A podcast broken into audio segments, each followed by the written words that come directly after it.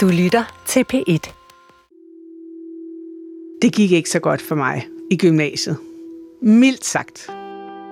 Mit eneste frirum var idræt, som jeg heldigvis havde på udvidet niveau. Det var jeg god til. Selv min dansklærer var analytisk orienteret og brød sig ikke om, at jeg eksperimenterede med sproget i stilene. Og en dag, da jeg igen ikke havde fået lavet min fuldstændig uoverskuelige kemirapport, sukkede min lærer og sagde, hvorfor er du ikke lige så klog som din søster? Den sved.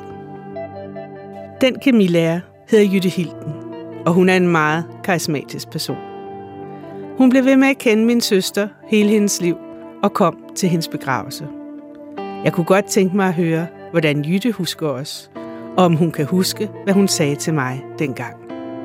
Søster, elsker, elsker ikke er en podcast i fire episoder, hvor forfatter Merete Pryshelle undersøger forholdet til sin afdøde søster. Man skal jo elske sine søskende, men jeg elskede ikke min søster. For at udfordre den følelse, opsøger Merete mennesker, der kendte hendes søster. Hun spørger dem til andre fortællinger om de to som søskende, end dem Merete selv bærer rundt på. De nye fortællinger, minder og følelser bearbejder Merete bagefter ved sit forfatterbord og mærker en ændring. Der sker noget, når jeg prøver at bruge et litterært greb på mine egne helt personlige erindringer. Det er interessant, fordi jeg pludselig kan se noget udefra, som jeg før kun kunne se indefra. Det her er tredje episode. Ikke så klog som din søster. Det blev understreget mange gange i min barndom. Min søster var den kloge, mens jeg var den sære, der trillede rundt i skæve retninger, og aldrig, eller det følte jeg i hvert fald, blev set. Dog var mine forældre ambitiøse på vores begges vegne. Min søster skulle være læge, for det var finest og mest vanskeligt, og jeg skulle være ingeniør, for jeg var min fars dreng. Min søster var seks år ældre og altså færdig med gymnasiet, da jeg skulle begynde. Hun havde gået på en eksperimenterende matematisk-kemisk retning på Nørre Gymnasium. Så det skulle jeg også. I folkeskolens afgangsprøve fik jeg flotte karakterer i dansk, tysk og latin, og rigtig dårlige karakterer i matematik og fysik. Men det var lige meget. Jeg skulle opfylde mine forældres drømme, og de gik blandt andet ud på, at jeg skulle være som min søster. Det var da tosset at se dig på naturvidenskaber. Ja, det gik jo heller ikke så godt. Nej. Nej. Merete har aftalt at mødes med sin tidligere kemilærer fra gymnasiet og tidligere minister Jytte Hilden. Og du var i Folketinget dengang? Jep. Men du var stadig kemilærer? Jep. Men så det er jo sjovt for mig, fordi du er så faktisk en af de sådan lidt få mennesker, som ikke er familie og sådan noget, som har kendt både min søster og jeg. Og du har faktisk haft en relation til min søster, eller sådan kendt ja. hende lidt bedre. Og hvordan husker du hende? Jeg husker hende som et meget levende menneske. Hun var højt begavet, og hun var meget øh, nysgerrig. Mm-hmm. Øh, og jeg havde endda den glæde, lige netop med den klasse, at være på en tur til Skotland mm-hmm. Og lære, hvordan man lavede whisky. Ja. og, og det betyder jo, at, at når man kommer så tæt på, på elever i en klasse, hvor man er ude at rejse i en, en uges tid, ja. så lærer man jo deres gemytter ja. at kende. Ja. Så at se, hvordan de forholder sig til hinanden og, og med hinanden. Ja. Og, og hvad så du så om Janne der? Der så jeg en, en, en meget glad og som sagt nysgerrig øh, ung kvinde, jeg kan huske, at på et tidspunkt, så, og det var midt i skoletiden, og nu har vi jo mange ferier, efterårsferie, juleferie, påskeferie, hvad, hvad ved jeg, men så på et tidspunkt havde hun besluttet sig for, at hun skulle ud og rejse. Og så var hun altså i stand til at gå ned til skolens rektor og sno ham om sin lille finger, og ugen efter, så var hun bare ikke i skole, men det har hun fået lov til. Jeg tænkte, det var lige godt satans. Det er bare for at sige det. ja. Så hun havde den der utrolig charmerende måde ja. at overtale folk, ikke? Jo, ja. Ja, og jeg tænker, fordi det tror jeg er noget af det, som var svært, at, at hun kunne altid alt det her, og jeg kunne ikke finde ud af det. Jeg kunne ikke overtage nogen til noget på den måde, eller det husker jeg det i hvert fald ikke som. Øh, altså, hun, at, at, at hende sådan, øh, hun havde sådan meget forførende karisma, ikke? Helt, helt klart, ikke? Og, øh, og, øh, og jeg kan godt se, at, at, at det må for dig have været, været besværligt, for mm. at sige det som det er. Det, det forstår jeg så, øh, så glimrende, ikke? og, og jeg synes også, det er godt at snakke om det. Ikke? Mm. Der, der er det der, de der ting ved noget, der var engang, og som stadigvæk øh, er her.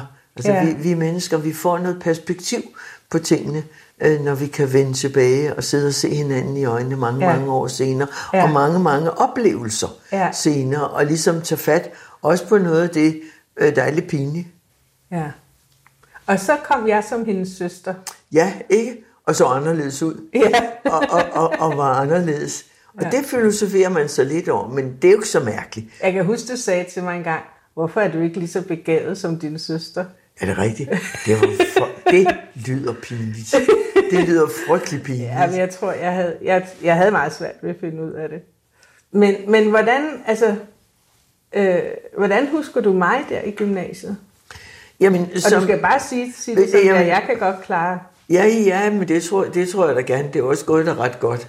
Selvom, selvom det metaboliske system måske øh, er, er lidt længere væk. Jeg ved slet ikke, om, om du kan huske noget, øh, noget kemi. Jeg tror, jeg, jeg tror, når du spørger direkte, så tror jeg, jeg opfattet som sådan en, en glad lille søster.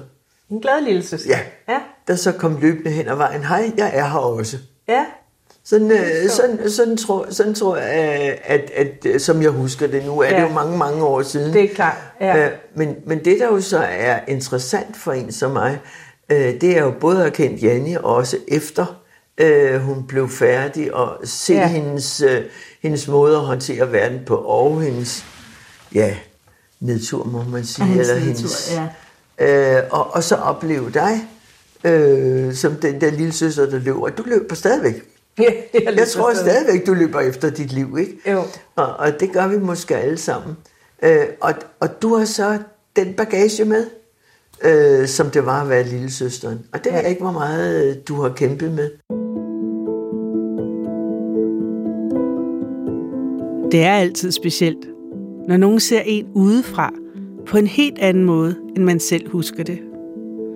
For mig var gymnasieårene et vendepunkt – hvor verden åbnede sig for mig, og jeg kom ind i nogle politiske og kunstneriske miljøer, jeg aldrig havde anet fandtes. Men det var også en hård tid. Jeg flyttede hjemmefra i 2G som 16-årig, og skulle klare mig selv uden rigtig at have ressourcer til det, hverken indre eller ydre ressourcer. Jeg boede på samme kollegie som min søster, men hun var ikke nogen støtte for mig i den periode.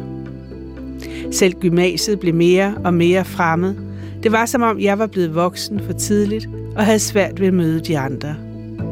Som om jeg ikke længere havde adgang til deres verden. Jeg var mest glad, når jeg var til springgymnastik eller løb skolekonkurrencer.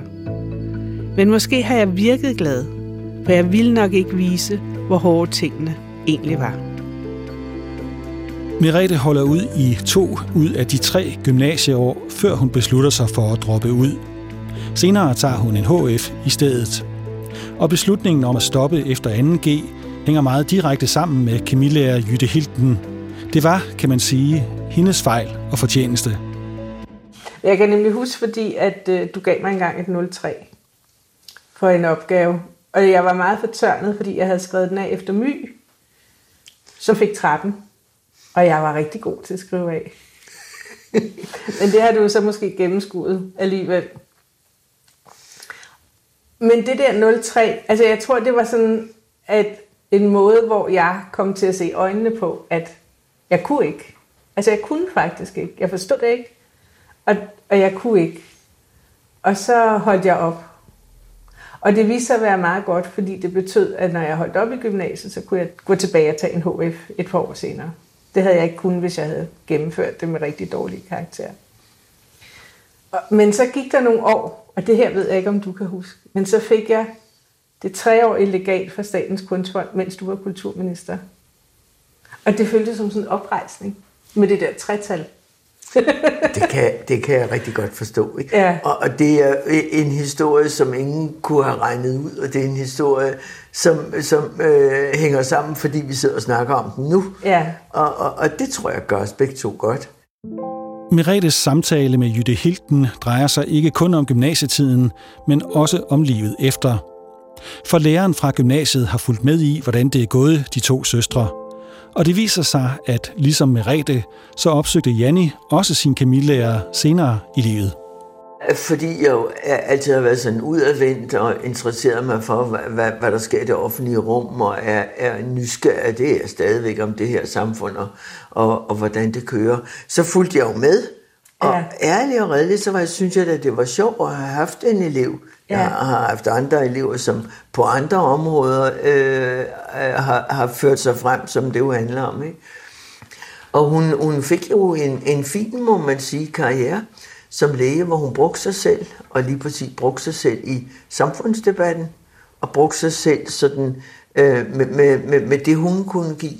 Og, og det, var, øh, det, det var nogle grænser, som en, øh, mange, det samfund dengang ikke havde oplevet. Mm. Altså en, en kvinde, der var højt uddannet, der var læge, som ligesom blandede sig i, øh, i den offentlige debat.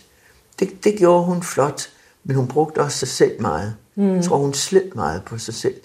Altså, hun, det var ligesom, hun ledte efter en eller anden identitet. Mm. Hvem er jeg i det her univers? Ja, det tror jeg også. Jeg tror også, hun havde det svært.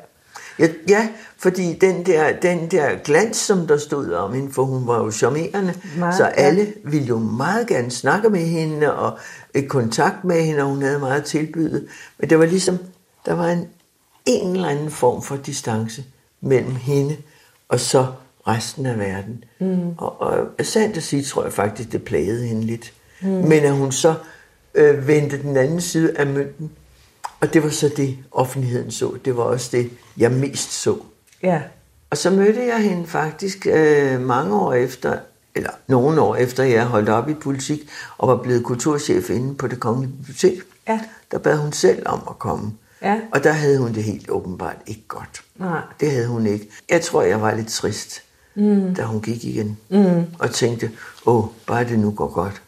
Ja. Og det gjorde det jo ikke. Og det gjorde det ikke, nej. Ja, ved du, hvad jeg tænkte? Nej. Jeg tænkte, hun har brug for hjælp. Jeg tænkte, det her, det er noget, hvor hun trænger til mere end en håndsrækning fra en gammel kemilærer.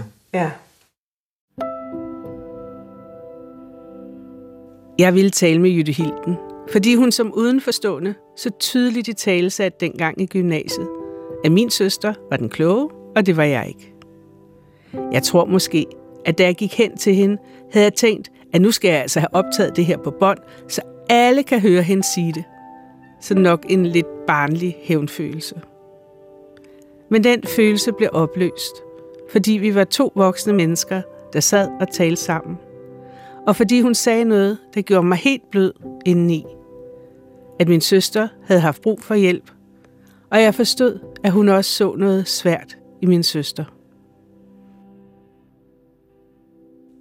Meretes søster, Janni Helle, var i 1980'erne og 90'erne en kendt læge.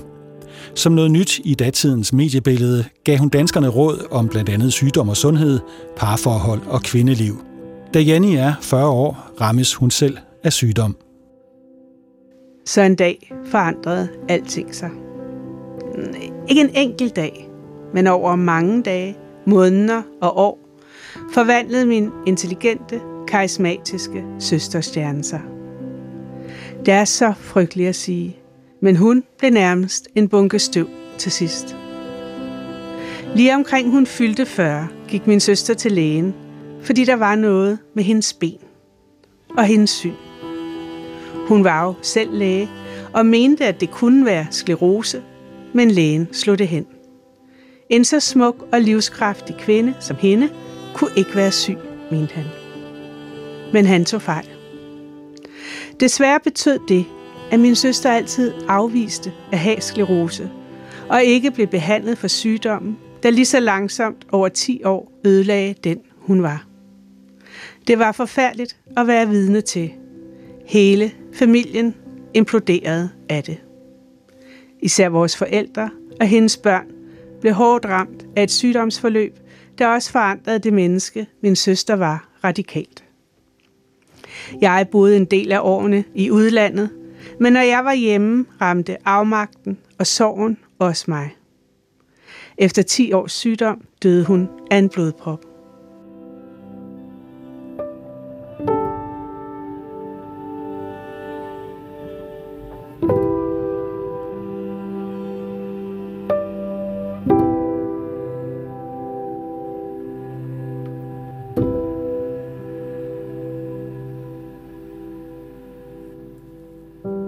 Er meget at sige om en sygdomsramt familie.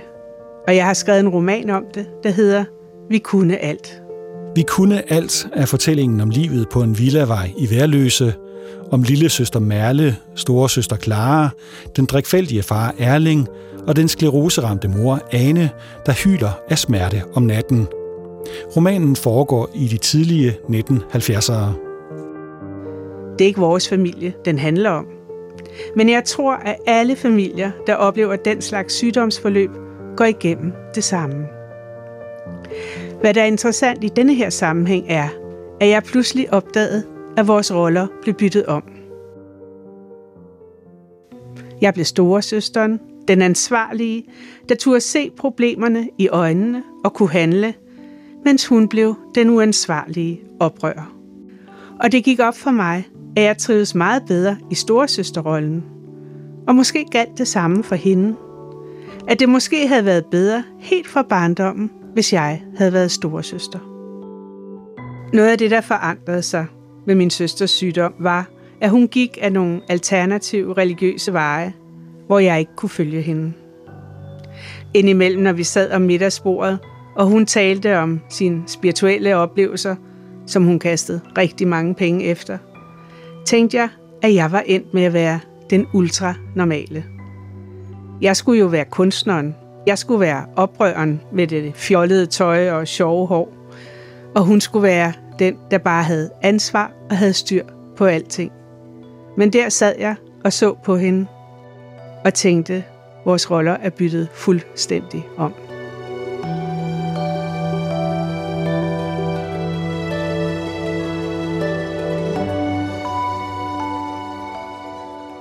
Men det er jo utroligt spændende, det du siger, fordi det rører jo ved det der med arv og miljø, ikke? Jo. Altså tænk, hvis, hvis, øh, hvis du havde været storesøster, ikke? Ja.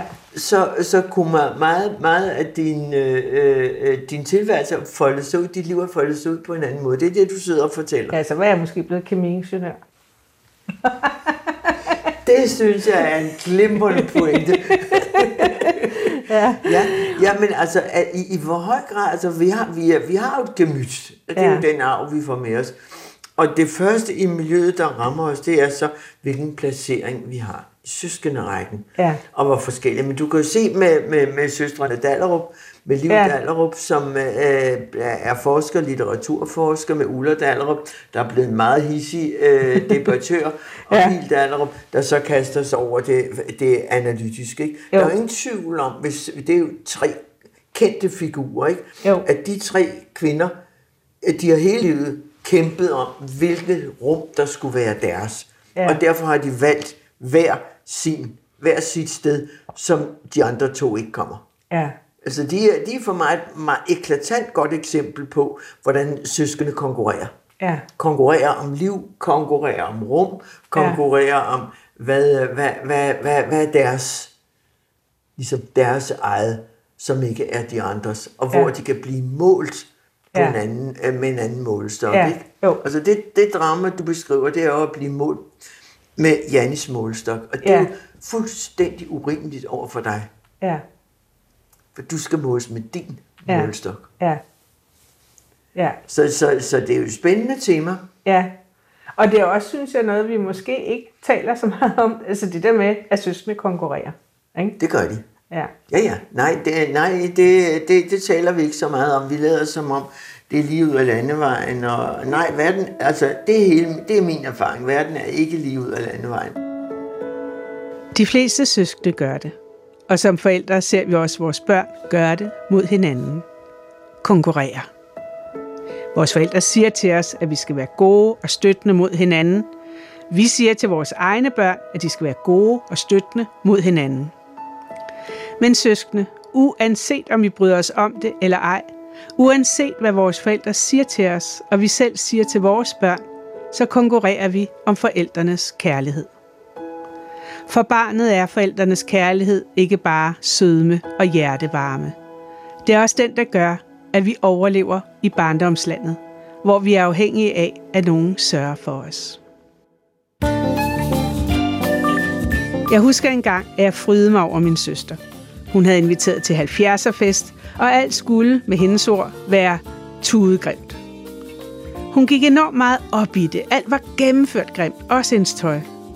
Og så sagde hendes mand til hende, at det der var det pæneste bord, hun nogensinde havde lavet til en middag. Jeg frydede mig, fordi min søster ellers altid satte alle andre på plads, og nu fik hun som fortjent, tænkte jeg. Men det tænkte jeg jo kun, fordi jeg sad fast i en grim konkurrencefølelse med hende.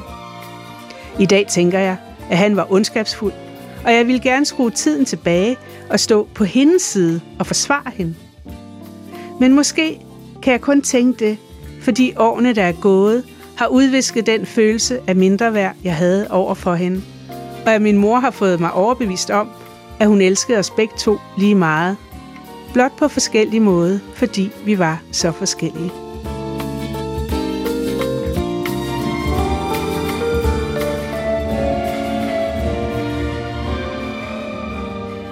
Jytte Hilden, Janni og Meretes lærer i gymnasiet, kendte begge søstre som unge, fulgte på afstand med i deres liv, og også Jannis død. Så du hende så igen før begravelsen? Nej, det gjorde jeg ikke. Og blev rigtig, rigtig ked af det, da jeg så, at hun, at hun var væk. Og var ikke et sekund i tvivl om, at jeg ville med ud til værelse. Ja. Øh, og der, det der, jeg kan huske, øh, jeg sad allerbærest, og, og ja, tårerne har sikkert trillet ned af kinderne på mig, som på alle andre. Ikke? Og så kan jeg huske, at din mor kom hen, og så siger hun, jamen det er jo Jytte.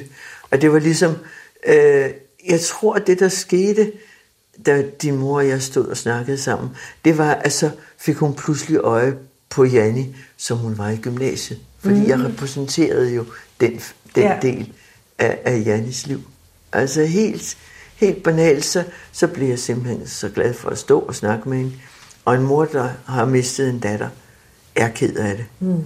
Men jeg tænkte, åh, det at jeg står her, det får hende til at tænke på den gode tid. Ja. Så det, mm, det, det jeg når jeg kan huske det nu, så er ja. det fordi, der er nogle øjeblikke i et menneskeliv, som du pludselig, øh, de bliver der bare. Ja. Der er jo mange øjeblikke, kan man sige. Og øjeblik har det samme som evigheden. Ingen begyndelse og ingen afslutning. Men det øjeblik gjorde indtryk på mig mm. som menneske.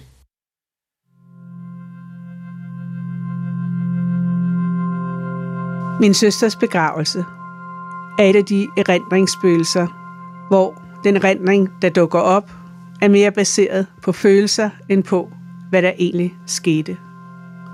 Der kom mange mennesker, min søster havde kendt, både privat og igennem sit arbejde og sit virke. Der var mange kendte mennesker. Jytte Hilden var der, og jeg ved også, at min mor var rigtig glad for, at Jytte var der, og den omsorg, hun viste.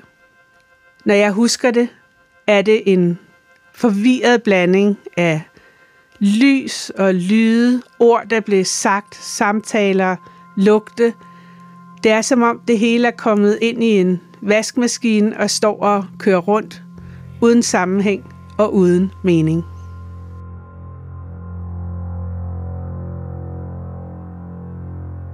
Men så senere, så dukker du jo op.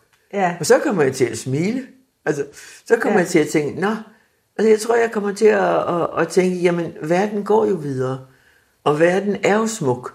Altså, der er, jeg, i min familie er psykisk sygdom øh, det, som slægten øh, øh, har, har som, som, de, som den, mørke, den mørke del, og alle har jo et eller andet. Der er jo ikke ja. nogen familier. Nogen har hjertestop, nogen har muskelsvind, og nogen er det, er det psykisk sygdom. Øh, og derfor har jeg altid været meget optaget af, hvordan, hvordan vi mennesker har det med os selv og, og hinanden. Jeg havde en bror, øh, der tog sit eget liv, da han var 23, så jeg har mm. været vant til fra, fra helt, øh, helt ung, at øh, tingene var, var, var, var skrubskøre, ja. for at sige det som det er. Og derfor har jeg også for et års tid siden sagt ja til at være ambassadør for Depressionsforeningen.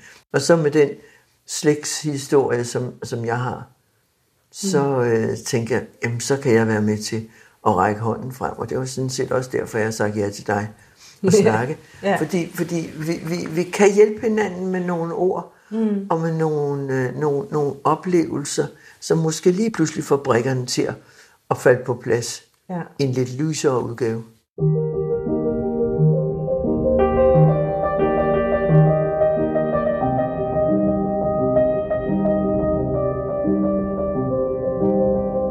Alle familier har noget, siger Jytte. Og ja, det er så sandt. Men nogle gange gemmer vi det for hinanden, det der noget. Glemmer at fortælle, at et familiemedlem er psykisk syg. Glemmer at fortælle, at nogen slog. At vi selv slog en søster, vi var jaloux på. I mit forfatterliv har jeg ofte oplevet, at jo tættere jeg går på mig selv og mit eget indre personlige liv, jo mere genkender andre noget fra deres liv i det. Hvilket er en stor glæde og også en særlig trøst for mig. At jo mere jeg viser mig selv, jo mere er jeg en del af fællesskabet. Fordi vi oplever så meget på samme måde, men ikke altid kan finde ud af at være åbne om det. Folk siger til mig, ej, du der er så stærk. Hvordan kan du føle dig som en lille bunke støv ved siden af din søster? Men det kunne jeg. Og forstår ikke altid den styrke, andre synes, at de ser.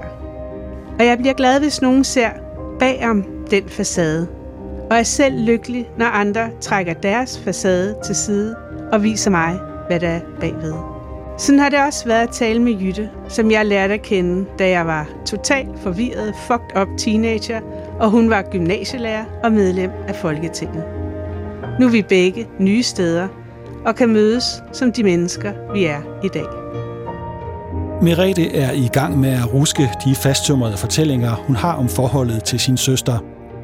I næste episode besøger hun en veninde, hun har kendt siden ungdommen, og som også var veninde med Janni. Den samtale giver nye indsigter. Men øh, det gjorde hun altså i den situation. Har jeg aldrig fortalt dig Nej. Søster elsker, elsker ikke er skabt af tilrettelæggere Diana Bak, Bettina Olsen og forfatter Merete Bryselle. Klip og lyddesign Sara Røykjær Knudsen, indtaling Carsten Nielsen, Hanne Barslund er redaktør. Gå på opdagelse i alle DR's podcast og radioprogrammer. I appen DR Lyd.